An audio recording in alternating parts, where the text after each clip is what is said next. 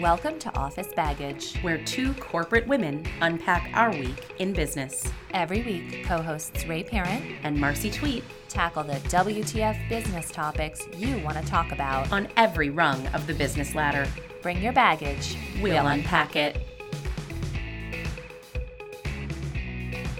Today on Office Baggage, We're welcoming to the show our second panel of men. what does it mean to be a young leader in business for men? How is male ambition viewed differently from female ambition? And bromances, can they make you more successful? I don't know if they can make you more successful, but I'm a huge fan of the bromance. I'm a huge fan of the bromance, and we've coined the term brosif on this show. Brosif has a negative connotation for me, and bromance is Bromance good, unless, brosif well, bad. unless they get obnoxious. But I don't know. Okay. Well, hey Ray, Hi, Marcy. what day is it today? I don't know. I have no freaking clue. Um, I, think it's Tuesday. I was supposed to uh, talk to a former colleague of mine on Monday. He was giving me some information so that I could do a reference call for him. And I was supposed to call him at four o'clock on Monday, and I had to text him this morning. I thought yesterday was Sunday. so yeah, I'm not. I'm not sure he's going to want me to speak with a company on his behalf, but yeah, I don't know. Maybe it'll speak to his patience. it'll be fine. You'll be good. Um, but we are at the end of a very long week, uh, an immersion week at Kellogg EMBA, and we are joined today by our second panel of men. So, hello, men. Hello. Hello. Welcome to the podcast. We're excited. So, let us give you a little introduction. Um, these are yet again three men from our EMBA program. Real men. Real men talk to a real boy. this is you guys are like Pinocchio. You It's really speak for all men when you are in this room. Yes. Just like we asked Ahmad and uh, TJ to speak for all people of color. Exactly. Now So- you represent all men everywhere. This is a mantle you will wear. Oh my god. so we have men. three very successful, very awesome men with us today. Um, first is Jimmy, who is a sales leader for a Fortune 500 healthcare company and has 15 years experience in sales and marketing. He is a trend leader in the business of medicine, recognizing that during a period of rapid change, he can help to lead business transformation to help his customers adapt and be more successful. So welcome, Jimmy. Thank you. I'm excited to be here. I'm like, can I just commend you all for not choosing superhero names like the last uh, people did? Because they were Tony Clark and and uh, Tony Bruce. Clark and Bruce. Yeah. So way to like own your non superhero names. And we have Jordan. Jordan currently works as a wealth advisor for a major bank. Before starting his banking career, Jordan served as an Army officer, completing multiple tours in Afghanistan and Europe. Welcome, Jordan. Thank you. Thanks for having me. Welcome, Jordan, the hero of our class. I wouldn't go that far. Yes, you would. are. I would. I think we all would. Um, and then third, we have Krish, who brings to the table 14 years of consulting and project management experience. He specializes in business planning and execution for business continuity, including implementation, post implementation, and support. He's a thought leader in cloud, analytics, mobility, and the Internet of Things. And he's not the person who mansplained the cloud to Ray.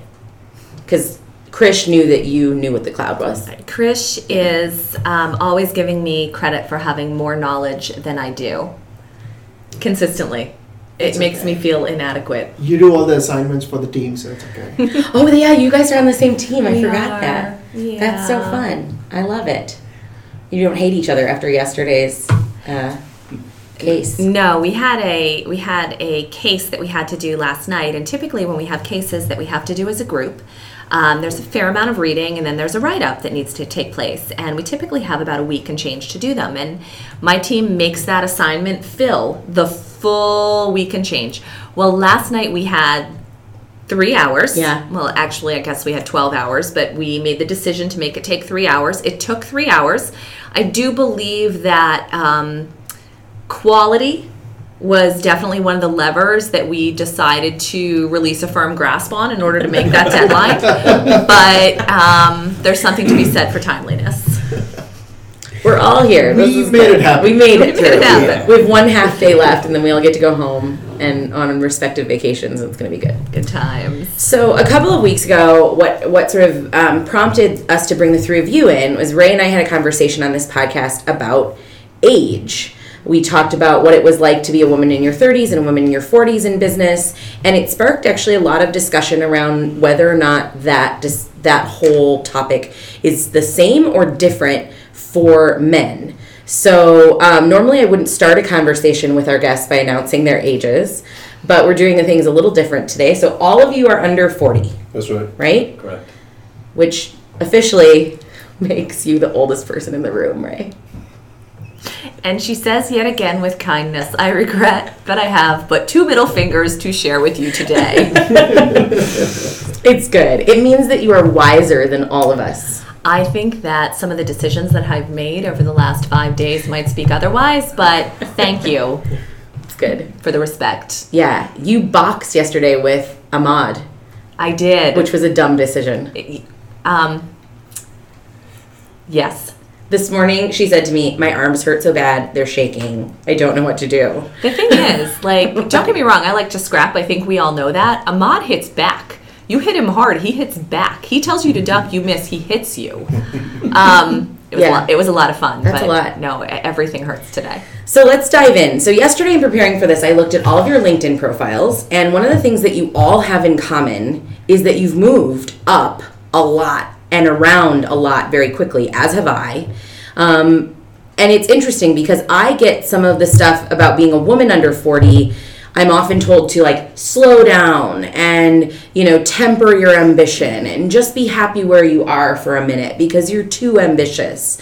Do you hear those messages as men in business who have moved up quickly and moved around in your careers really, really quickly to ascend to where you are now? I think it's an important part of um, moving up is your willingness to take on risk and take on change and try new things.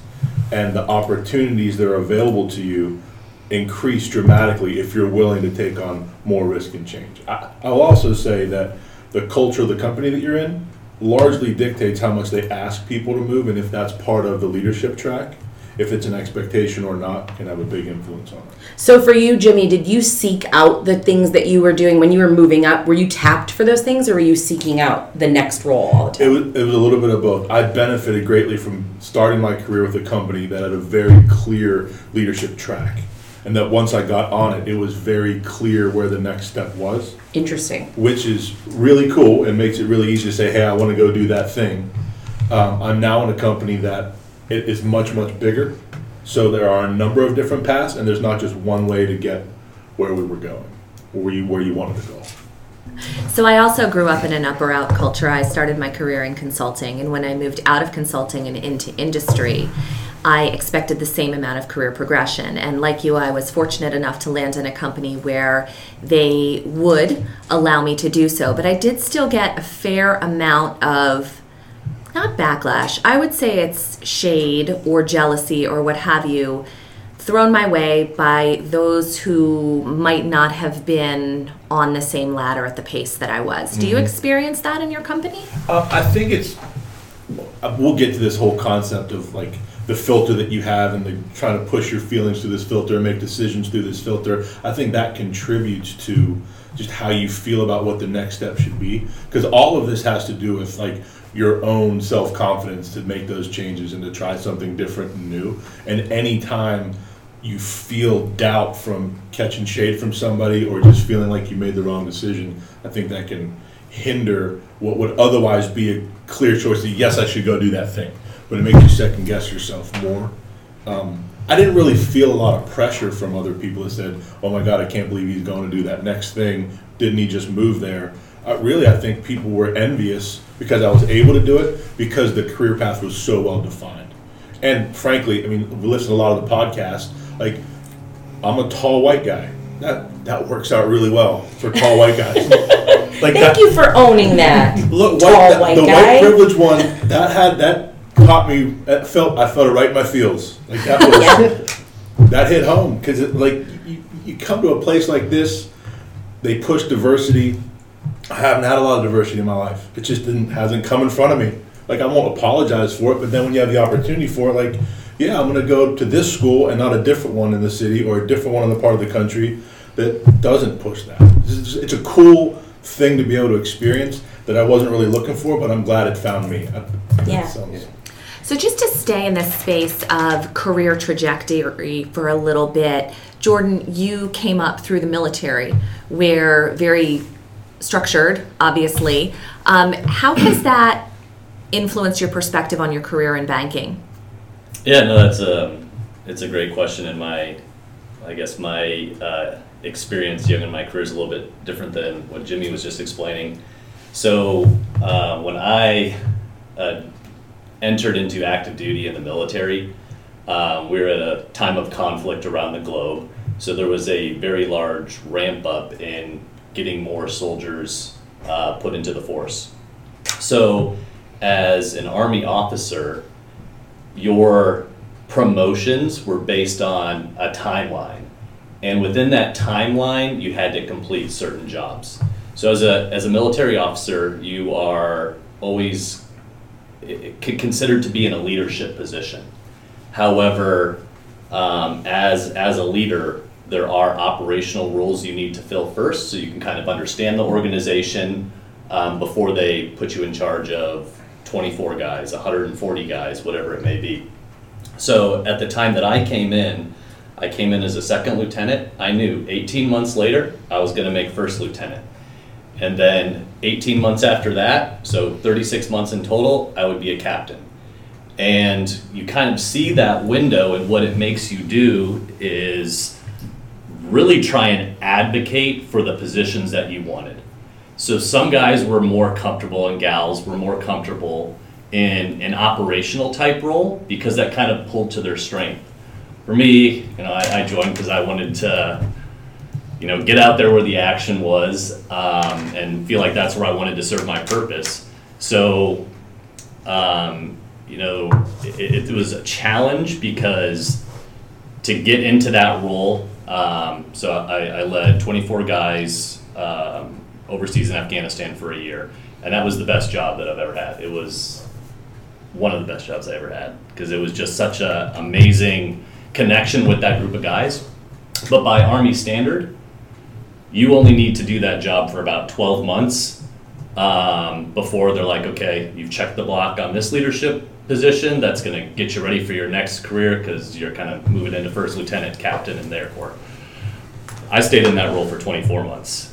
Wow. Um, I had to beg my boss um, quite a bit that I did not need to go into this next advanced operational role, which would have been, you know, by military standards, better for my career trajectory.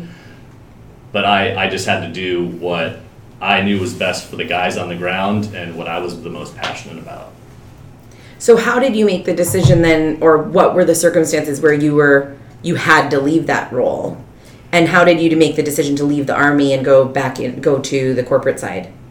Yeah, so I guess sometimes you know there there is a cutoff in time and how long you can be in that role, and um, uh, at that point I was um, coming back to the states for um, con- kind of like our leadership continuing education, uh, as I had just made captain at that point.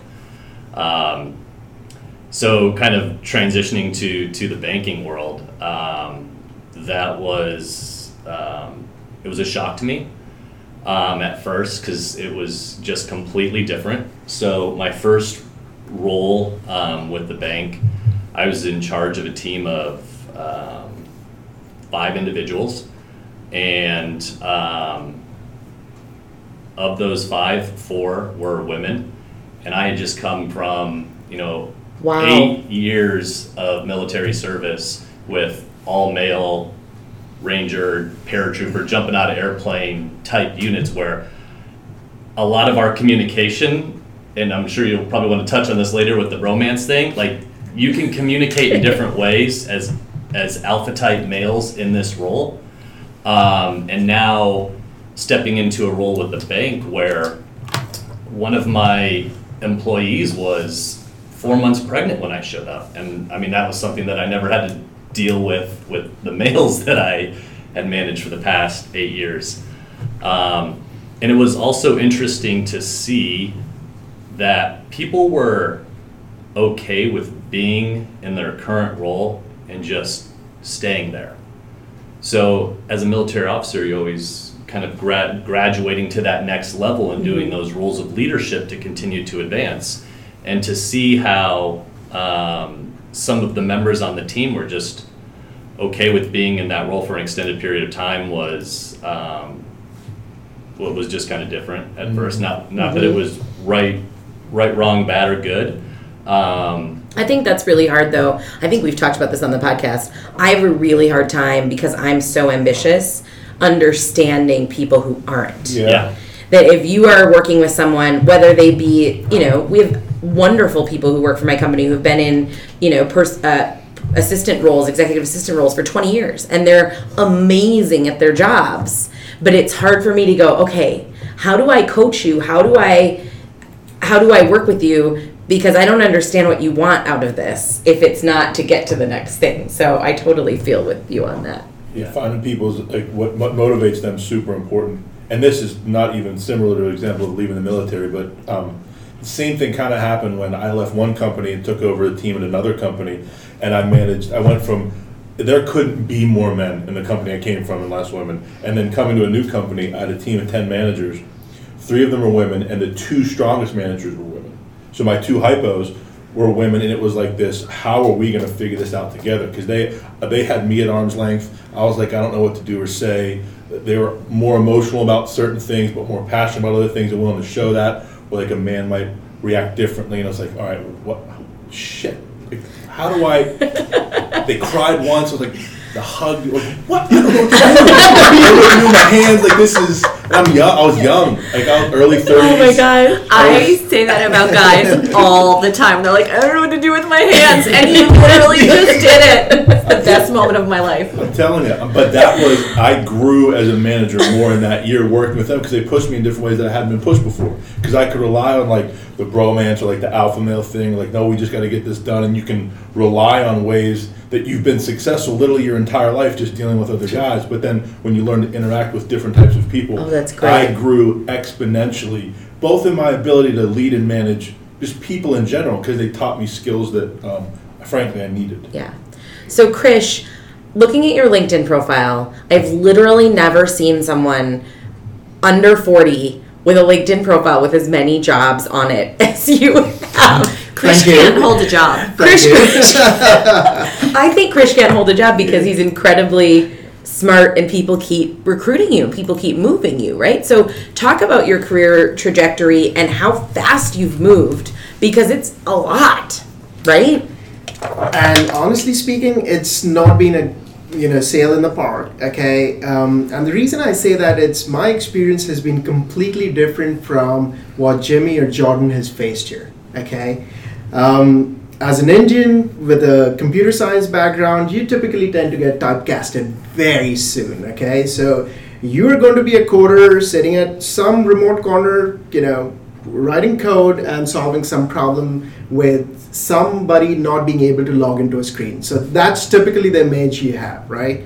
So coming from that background, you know, I realized very early in life that opportunity knocks once, okay? And if I don't grab it, it's going to go, okay? So having said that, what happened was I have pretty much signed up for anything that came my way um, from doing a job in South, Af- uh, South Africa in a gold mine um, to being in a remote island in Norway, I've never turned down an opportunity. I have always said yes, and maybe that was what uh, that was the reason why uh, managers thought that maybe I was going to uh, deliver whatever they threw my way, and that's how um, things kind of started working in my favor. So when I came here to the U.S. like 12 years back, uh, it was okay. I'm fighting against this completely male-dominated white American scenario, not in a bad way, in a good way, where I had to really prove my point and show them that yes, I belong in this bracket, and um, uh, I've never looked back. You know, it's been whatever thrown my way, you know, whatever has taken, I've just kept going at it, and um, I am where I am today, and I'm proud about the fact. Yeah. I want to go back to the space of learning how to communicate with your teams in a new style. Jordan, you mentioned that you inherited a team at the bank where you were working with women for the first time. And Jimmy, you have a very similar story. Tell me a little bit about the skills that you brought to bear to be able to learn how to speak their language, but also to teach them how to speak yours. Well, and Krish, the same thing coming to the U.S. How do you learn? How do you change from being an inter, in, international business to being in U.S. business and learning to speak, oh, somewhat literally, the, the language? So I'll go first. I, one of the most important um, development things that I've paid attention to in my career is emotional intelligence and the important, how important emotions are, my own and other people. And to have an empathetic leadership style just allows you to connect with people, find out what their motivations are, and show them that you genuinely, genuinely care about them and building that trust equity. Because then you can take down a lot of like the superficial barriers that people have about what they thought they thought about you or their preconceived notions when you sit down. The, the, the heuristics that we all have that just happens. We're people. Like it's fine, you know. But if you can connect with someone on an emotional level, understanding what they care most about, and then just giving credence to how they feel, uh, we just the business takes off. Personal relationships take off. It really has been a differentiator for me. So for me, um, honestly, when you talk about communication, when I um, landed in the States like 12 years back, it was almost impossible for me to have a conversation with somebody without really asking them, uh, what did you just say about the sport uh, in baseball? What's a home run again? Welcome to my world. ba- basketball, ah, that's a big thing. Yes. I will have you know that in class this week, your friend Ray asked me who Michael Jordan was. Not in the context of she didn't know who Michael Jordan was, but there was a picture of Michael Jordan, and he was not in his basketball gear, but he was he had the rings on that picture. Oh. And Ray turned to me and oh, said, "Who is that?" There and no I said, hope. That's even worse. "That's Michael Jordan." Hope it's not on the final. So we were, we were actually, this is the second time I've done this. So I live in New England, and the Basketball Hall of Fame is really close to us. And so my husband and I were getting back from a trip somewhere. We're walking through the local airport, and this really tall dude is walking towards us. And so I say, Do you think he plays for UConn? And Chris just turns bright red. And I'm like, so we, we- the gentleman passes. And he looks at me. He's like, "That was Kareem Abdul-Jabbar." Oh, Ray. Oh yes. Oh my God. Please continue. So Ray this. Wait, whoa, whoa, whoa, whoa, whoa. We're not moving off of that. He's like 65 years old. Yeah. You can't play for UConn if you're you Medicare. hat on. Good point. Oh my God. he had a hat on, and he wasn't like up and smiling at people. Um, he was just kind of. I I just noticed a very, very tall. Per- it was a long flight. I don't think I was sober. Oh my God. You crack so that was a factor too. Yeah. So you understand women a little bit because you you didn't know sports lingo either. Not that all women don't Not know that all sports women lingo. do, but some. Right. Um, the only difference between Ray and me would be the fact that I spent six months to completely pick up whatever lingo I had to do because I knew that to succeed, and especially being in the consulting world, when you were trying to build that personal relationship with the client, you really had to speak that lingo. Wow. So I guess you know, for me, it's always been trust and personal responsibility. I think you know that's what sets you apart when you're um, in a relationship uh, with the client. I call it a relationship because of the fact that in consulting, um, for those of you who've been in the consulting world, it's all about the kind of networking and the kind of relationship you build with a client. Okay, you could be with a client for two years, but you want to build that kind of network and relationship with them so that six years down the road, if they have a need, the first name that should come to their mind is yours. Yours. So I I think that's what really makes the difference: um, trust and personal responsibility, and then speaking or interacting with them in the same level that you would do with your best friend. Wow. That's great. So, Jordan, you came to the corporate world from an incredibly immersive, male dominated, intense experience. I think that most of us can't even imagine. Um, what did you do? How did you work through learning how to, again, not only relate to your coworkers in a different manner, but them relate to you as well? Because I, I can't imagine you changed everything about yourself. uh, only the bad things, I guess. Um no, I, I think for me, uh, I'm, I'm fortunate that I had a very tight and supportive network around me while I was in the service. So I think they always kind of kept me humble and um, in a way where it wasn't it wasn't a huge transition. I mean, I, I just looked at it as you know a phase of life. It's like okay, that was a phase, and now I'm moving to the second phase, which is a completely different career, but it doesn't change who I am as a person. I'm still going to respect you. I'm still going to want to develop relationships with the client, like Krish just explained. Um, And so- of course, his extreme good looks helps with that. Jordan's blushing. Well, it's interesting because this is this will. I, I'm just gonna. Everybody has stereotypes in their head of, of of people, whether racially or or job wise and things like that. So I picture army captain right as like super alpha male, not open, not not somebody who's who's caring, um, and you are not that to me. Not that you're not an alpha male, Matt, because you're, you know, whatever. Go. You're all Alpha alpha males. I get it. Um, no, but you are. But you're also you have this personality from the minute all of us met you. You're very open. You're very warm and and sort of caring. And was that did have you cultivated that in your job now, or were you that way in the army? No, I, and I appreciate the kind words, Marcy. That probably uh, over exaggerated a little bit there, um, but I I think um, it was just kind of my my leadership style and who I've been since I was a little kid. Um, when I was in charge of an organization that had 140 members, they all had a voice, and most people would, would think, well, you're the you're the captain, you're the commander at the top what you say goes, yes. At, at some times when shit hits the fan, yes, my decision's finally, you gotta execute. But um, taking that time to get to know everyone in your organization. You know, there's no bullets flying or anything right now, so I can pull you aside and explain the why. Um, that goes a long way with making you appear more, as, a, as bad as it sounds, as a human instead of some figure where you can only execute on orders and it has to be so specific.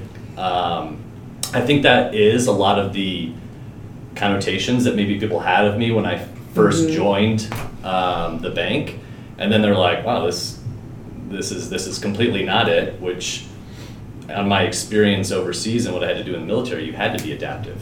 There there was never a uh, textbook solution for the problem that you were faced with. So um, I just kind of used that to. I don't know. I don't. I don't really feel like I, I had to. Ch- I think the only thing I had to change was what maybe I internally thought people were perceiving me as, which is, oh, he's this former military guy. Like, what does he know about finance? You know, like, what does he know about working in the corporate world?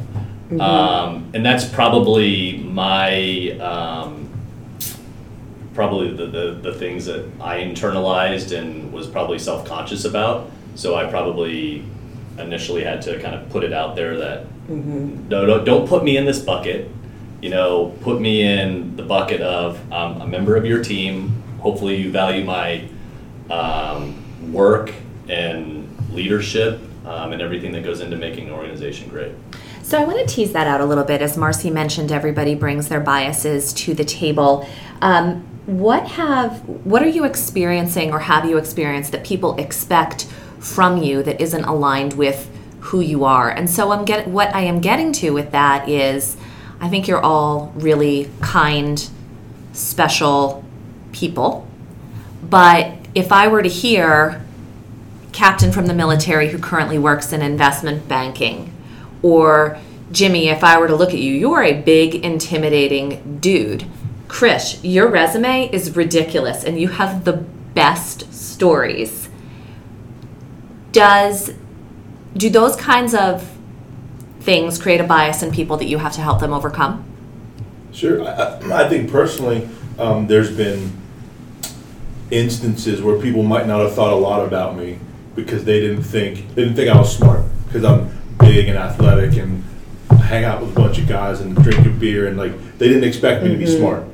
And then like people, then you surprise them. And I think that had a, was a big catalyst in my career because like I got the first job, then I got the second one, then I got the rolling, and that was like, well maybe he is smart. So that I think that was um, it created this weird like subconscious bias that I then begin to have. I talked about this filter that I started to not doubt myself, but know that people might be doubting me, and then what I was afraid to make a mistake. Say more about that. And so that the, um, being afraid to fail has been a huge motivating factor because it was like I didn't want to justify what other people thought, even if they didn't think it. If I thought that they thought it, it created this filter that I had. So working through that was always something that I had to be conscious of. That it really slowed me down.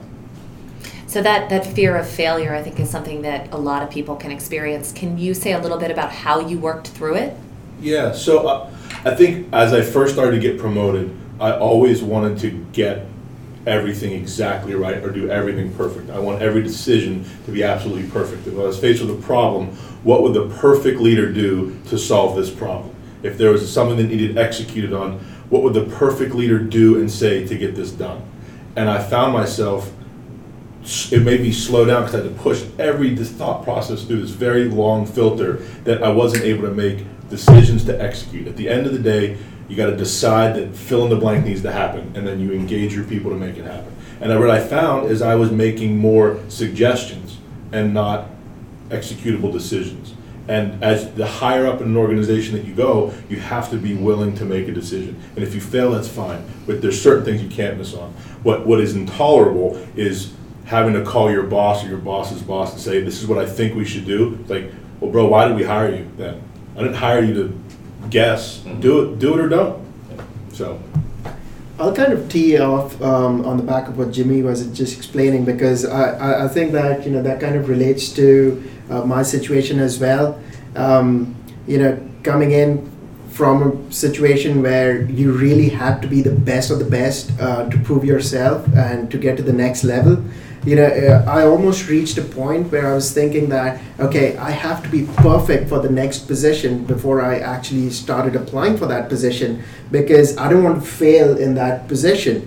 Um, so, uh, over a course of time, I kind of figured out the fact that maybe I should actually be trying for positions that I think I'm not ready for because I really thought that, you know, that kind of motivated me or, or made me try harder to reach that position. So, um, to Jimmy's point, you know, the fear of failure can really drive you towards um, achieving uh, the goal or the next level that you may not even be ready for. So, I, I agree. You know, I, have been through that same situ- uh, situation. It's so interesting to me, and part of the reason we wanted to bring you on and, and talk to men who are sort of in this under 40 category is I think there's a real perception in the business world about men in general. And I think there's a disconnect between men that are over over 45 and men who are under because there is this old notion i don't remember who said it but the quote of women look at a job description and if they have eight of the ten things they think they're not qualified men look at a job description if they have four of the ten things they go like well might as well give it a shot but i think that's a more traditional male role. I think today the fear that you guys are talking about is much more prevalent um, than it was a few years ago. So, do you feel the standard to live up to the like Jack Welch picture of a of a, a you know male leader mm-hmm. and this like you know charge through kind of thing, even though that might not be the personality you are? Yeah, um, for me, I, I think it's just my own internal drive. So um, I don't really look at it from a standpoint of what others, you know, perceive me as and when I need to get to that next role. Because for me, there, there's this common phrase that kind of coined in the military was, you know, and, and you kind of look at how do you define success? And we would always kind of joke around and classify it as I'm proud, but I'm not satisfied. And just like I'm proud of what has gone on with my organization and, and all their accomplishments that they had, but I'm not satisfied yet. Like I, I'm, I'm still hungry.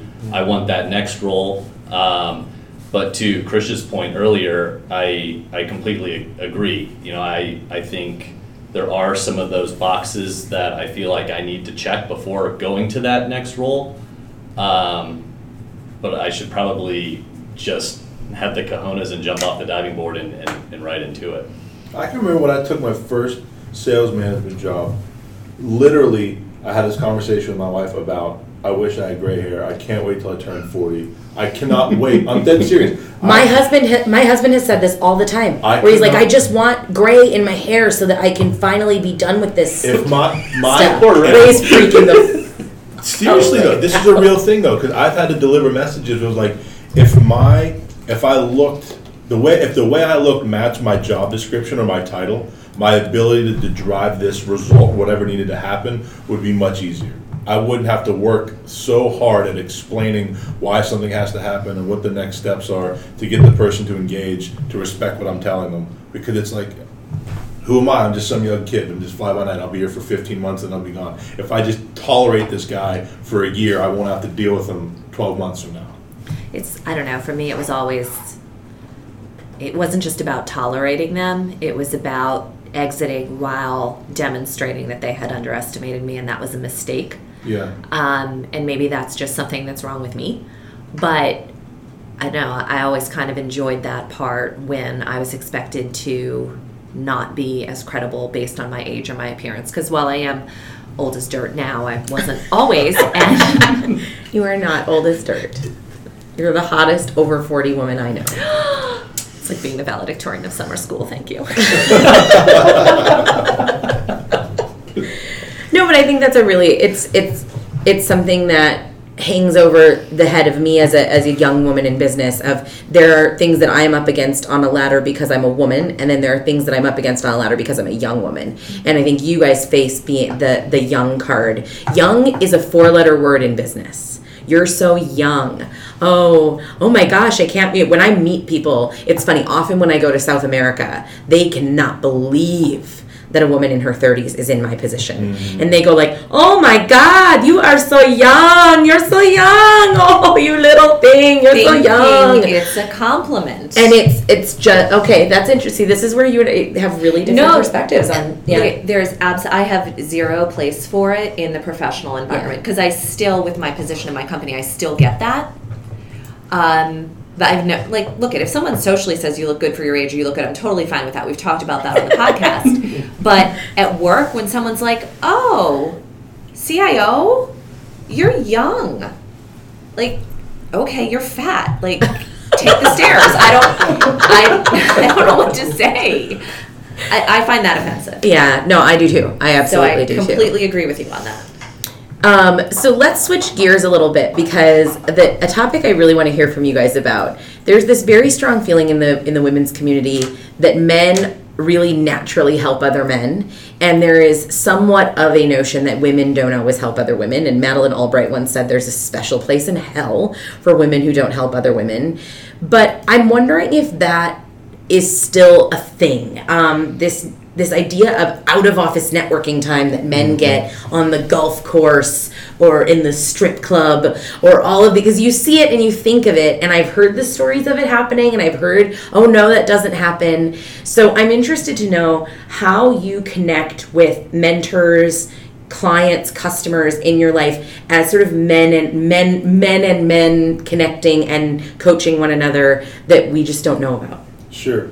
So I'll start with I think it's just a natural thing for people in general that you you're somewhere and you gravitate to people that are like you. Like that's just it's a normal thing. Sure. Like it just happens. So I think if you don't push yourself, like in a program like this and like the diversity piece, if you don't push yourself to meet new and different people, you're going to just naturally, and that becomes even harder to avoid when the culture of a business is just ninety percent, eighty percent, whatever, a very high percentage, mostly male anyway. And I think that exacerbates two things. It exacerbates both the things that you said. It exacerbates the cattiness of women and the bromance of men. yeah Because if there are only a couple women in the company, and then they hire another woman, then the three women who are now friendly, who's that? What are we going to do about this now? Because now their position is then threatened. So I've seen this in real time of the, the new woman that comes in gets pushed out and is alienated until she somehow proves herself to the new group. I think that happens mostly when there's not female parity. I think when you have oh, Totally. parity for women, none of that cattiness exists. When you are one of the only women, I Yes. think cattiness is much more prevalent because you get threatened.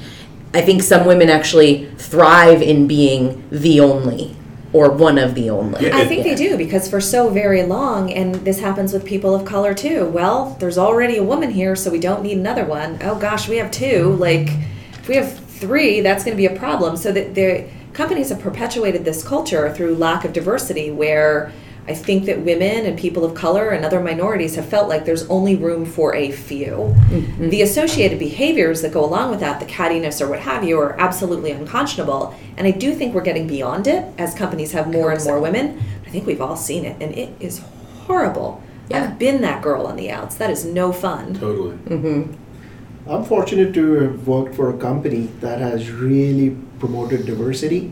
So from that angle, I would really consider myself lucky because you know for the past 12 years that I've been with this company, that's all we've interacted with, and especially um, that kind of helps as well when you're going out to client sites because then uh, all of a sudden when you're speaking with a, a woman CIO or um, an African American gentleman who runs the business, it doesn't become that big of a deal because you're now used to the culture of having interacted with um, people of diversity back at work. So it just makes it easy. So I kind of consider myself fortunate that way. Yeah, um, so this may shock you, but the banking team that I'm on in Dallas, uh, I, as a male, am the minority on the team.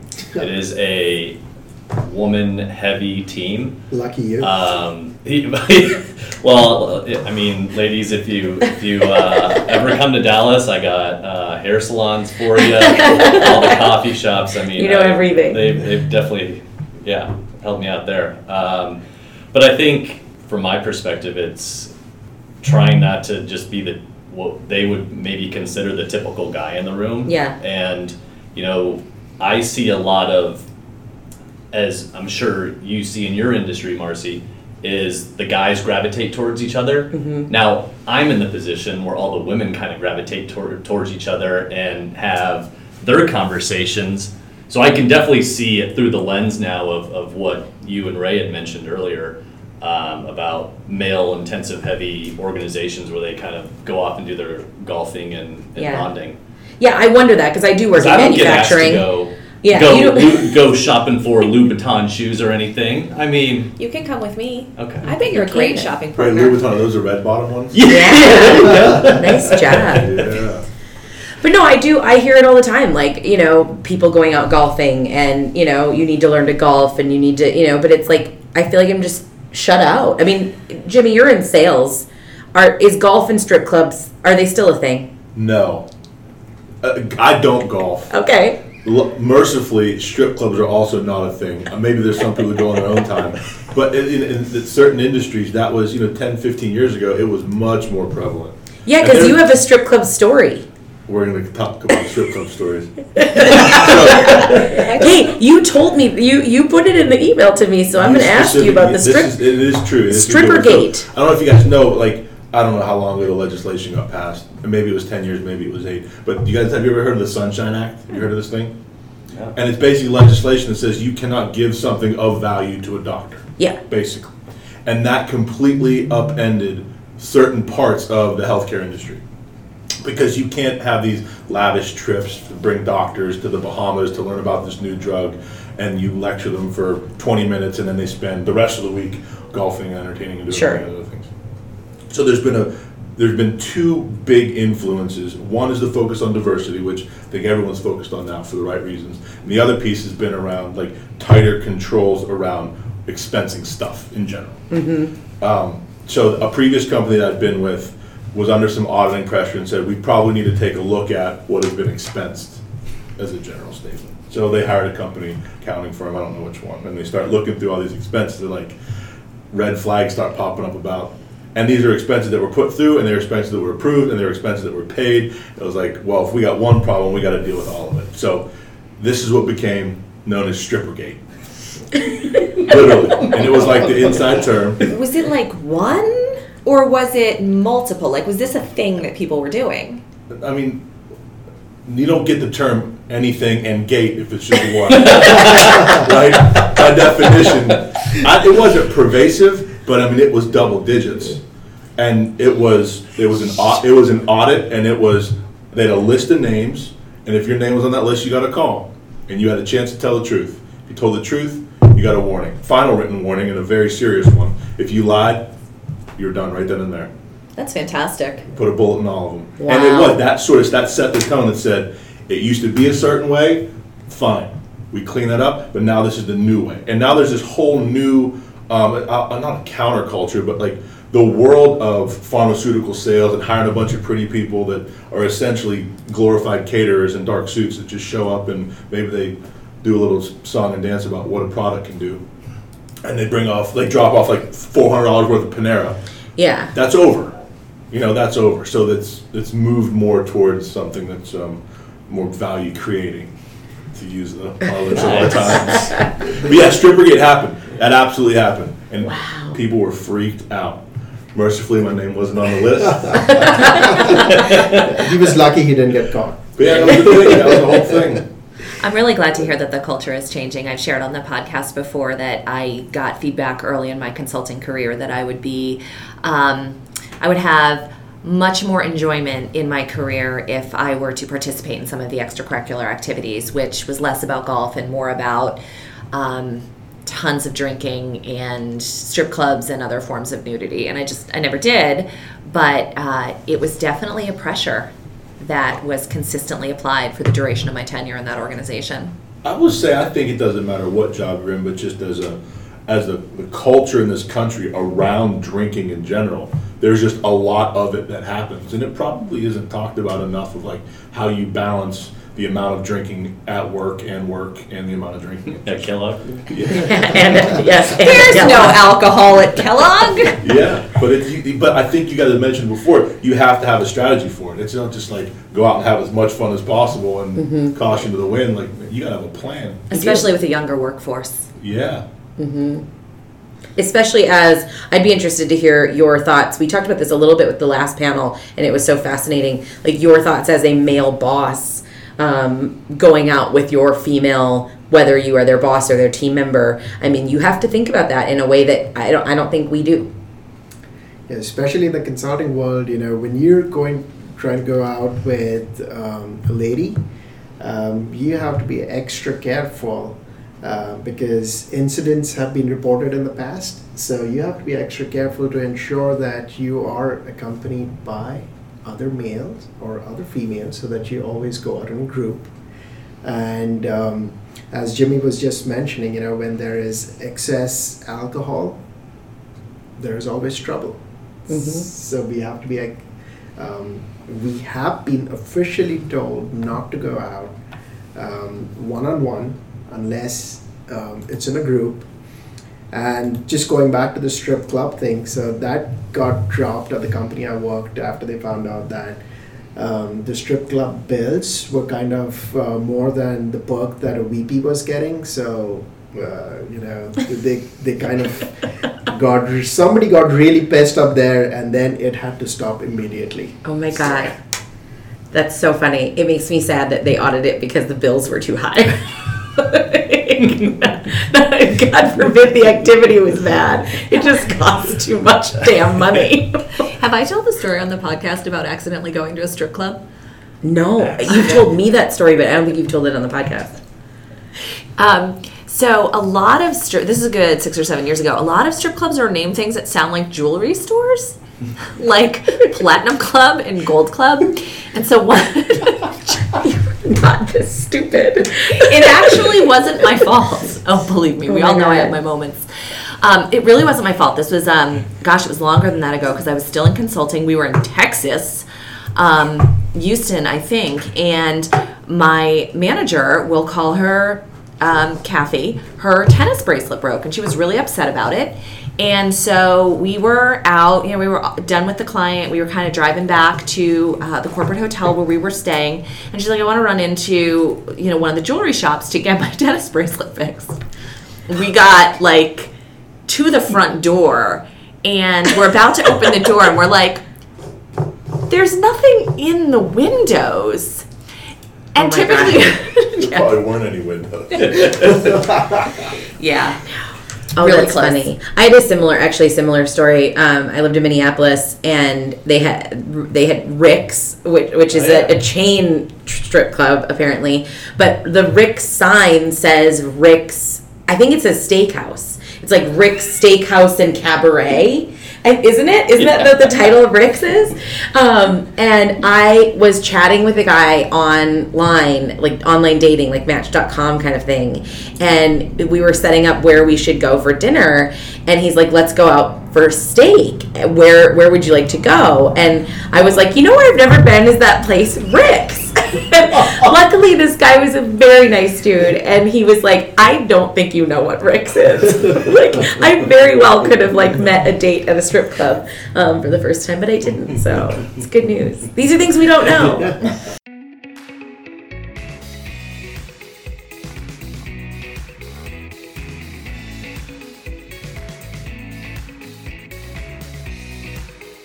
Like, is a bromance a thing different from an actual friendship? Bromance is definitely a thing. Okay, tell me tell me about a bromance. Give me a male's definition of a bromance. I mean, a bromance is it's like an emotional connection that you have with the guy, but at you know a level where it's still friendship. I mean, it's it's. I mean, So it's yeah, bigger than a friendship. it's bigger than a friendship. So, like a brother from another mother situation. Oh, absolutely. There's like the respect is there. You you know everything about each other. You do anything for that guy. Is that is that does that match your your bromance? I think especially the last statement, like you do anything for them, you know, and I, I think there's the a level of like connection and mutual respect because like it's shared interest too, and it's shared Absolutely. values, and if you share most everything, that there's an, an enormous amount of similarity there. Um, but I can say like my college roommates, I probably was closest with them than really anyone in my life from a friendship standpoint. But then I met my wife, and then I got so close with her, like the bromance thing just wasn't as important to me because I was so close with her. You know, so it's like I think it's a, it happens. Everyone needs connection. You know, but it's you definitely Yeah. look out for them. It's interesting. I sent you guys this video where it was it's called embracing the bro hug, and then I sent you an article that was like men need intimate relationships too, and it's this sense that men have to stay at this level, like, hey dude, what's up? Let's go to a baseball game, uh," Leave a seat and between each like other in the whatever, and they don't, and you don't get to like hug and cry. Yeah, you leave a seat between each other in the movies. You don't get to like hug each other and, and talk about your real You lives. know you're straight. You went in to. Transformers. For Christ's sake. we get it. But do you feel like you have the same? I mean, I feel like women naturally develop deep relationships with whether you work with someone or they're, you know, whatever. Do you feel like that's harder? Is it harder for men to develop relationships or is that still just a stereotype? Yeah, I I, think. I, I think from uh, a type A male to male connection, like you, you can't who like who you're not gonna put yourself out there and I'm gonna be like, hey Jimmy, like I really gotta cry on your shoulder tonight, kind of thing. Like you, as a A type to an A type, you're gonna be you're gonna look at me and be like. Jordan, what are, you, what are you talking about, man? You're making me uncomfortable, kind of thing. Right. But if you're at that level where we do anything for each other and we've had conversations that were more than football and, and beer and stuff like that, then it makes it easier to be a little bit more vulnerable and, and open up to that person. My best friend, other than my wife, is my wife's best friend's husband. That's why I was messing up. Oh, okay. So you have the you have the couple yeah, yeah. So we got, we thing. got really close. We I got gotta really close. draw that because I have no idea what you just said. Yeah. Just keep going. So anyway, my best But friend. did you know him before you? No, so I you didn't. met him through your Yeah, wife. Met him through my wife, and so this last winter, uh, my dog died. Aww. We had two big labs. They were like they're awesome. Had them before we had kids. Um, but he like in the middle of the night, just like died. It was scary. Like I, I literally had my hand on his heart as he took his last breath in the hallway, like ten feet from where my kids are sleeping. Wife and I both stand right there. So I was like crushed. It was the saddest thing that ever happened to me, bar none ever. So the next day, I drop him off at the vet, and it's just like you feel like all this emotion. You just have to like get it out and communicate to someone. And I called my buddy. Well, no, I texted him, and he called me. And that's like guys don't have to talk all the. You know what I mean? But like the fact that he called, and then like I could tell him the story, I get emotional about it. Like that was like the guys do need to do that. You know what I mean? Yeah. I That was- completely agree. You know, um, so typically we always try to put our alpha self in front of everybody, but then um, there are moments, you know, when you have to offload something, and um, as Jimmy was saying, that you know, it either has to be your better half or it could be a friend, you know, um, because again, the bromance thing is being a guy, you tend to understand issues or problems um, which may not be as intuitive to um, to uh, another woman. So I think that you know having that person where you can just have a conversation Yeah. and say that you know what I'm feeling shitty about this. Can we go have a drink? And as Jimmy was saying, you may not have that long conversation. Um, I'm not typecasting women, but you know, but at the end of the day, you know, just having a drink, you know, just being there for each other, you know that yeah, you have somebody who you could go to at any given point in time. Mm-hmm. I think we're it's interesting. We're in this really phenomenal incubator for some of that right now in Kellogg. And I'm watching my husband go through it. When we moved to Chicago, my husband didn't know anybody in the city. He, I got to search for a job and do a lot of networking while he was commuting three hours a day.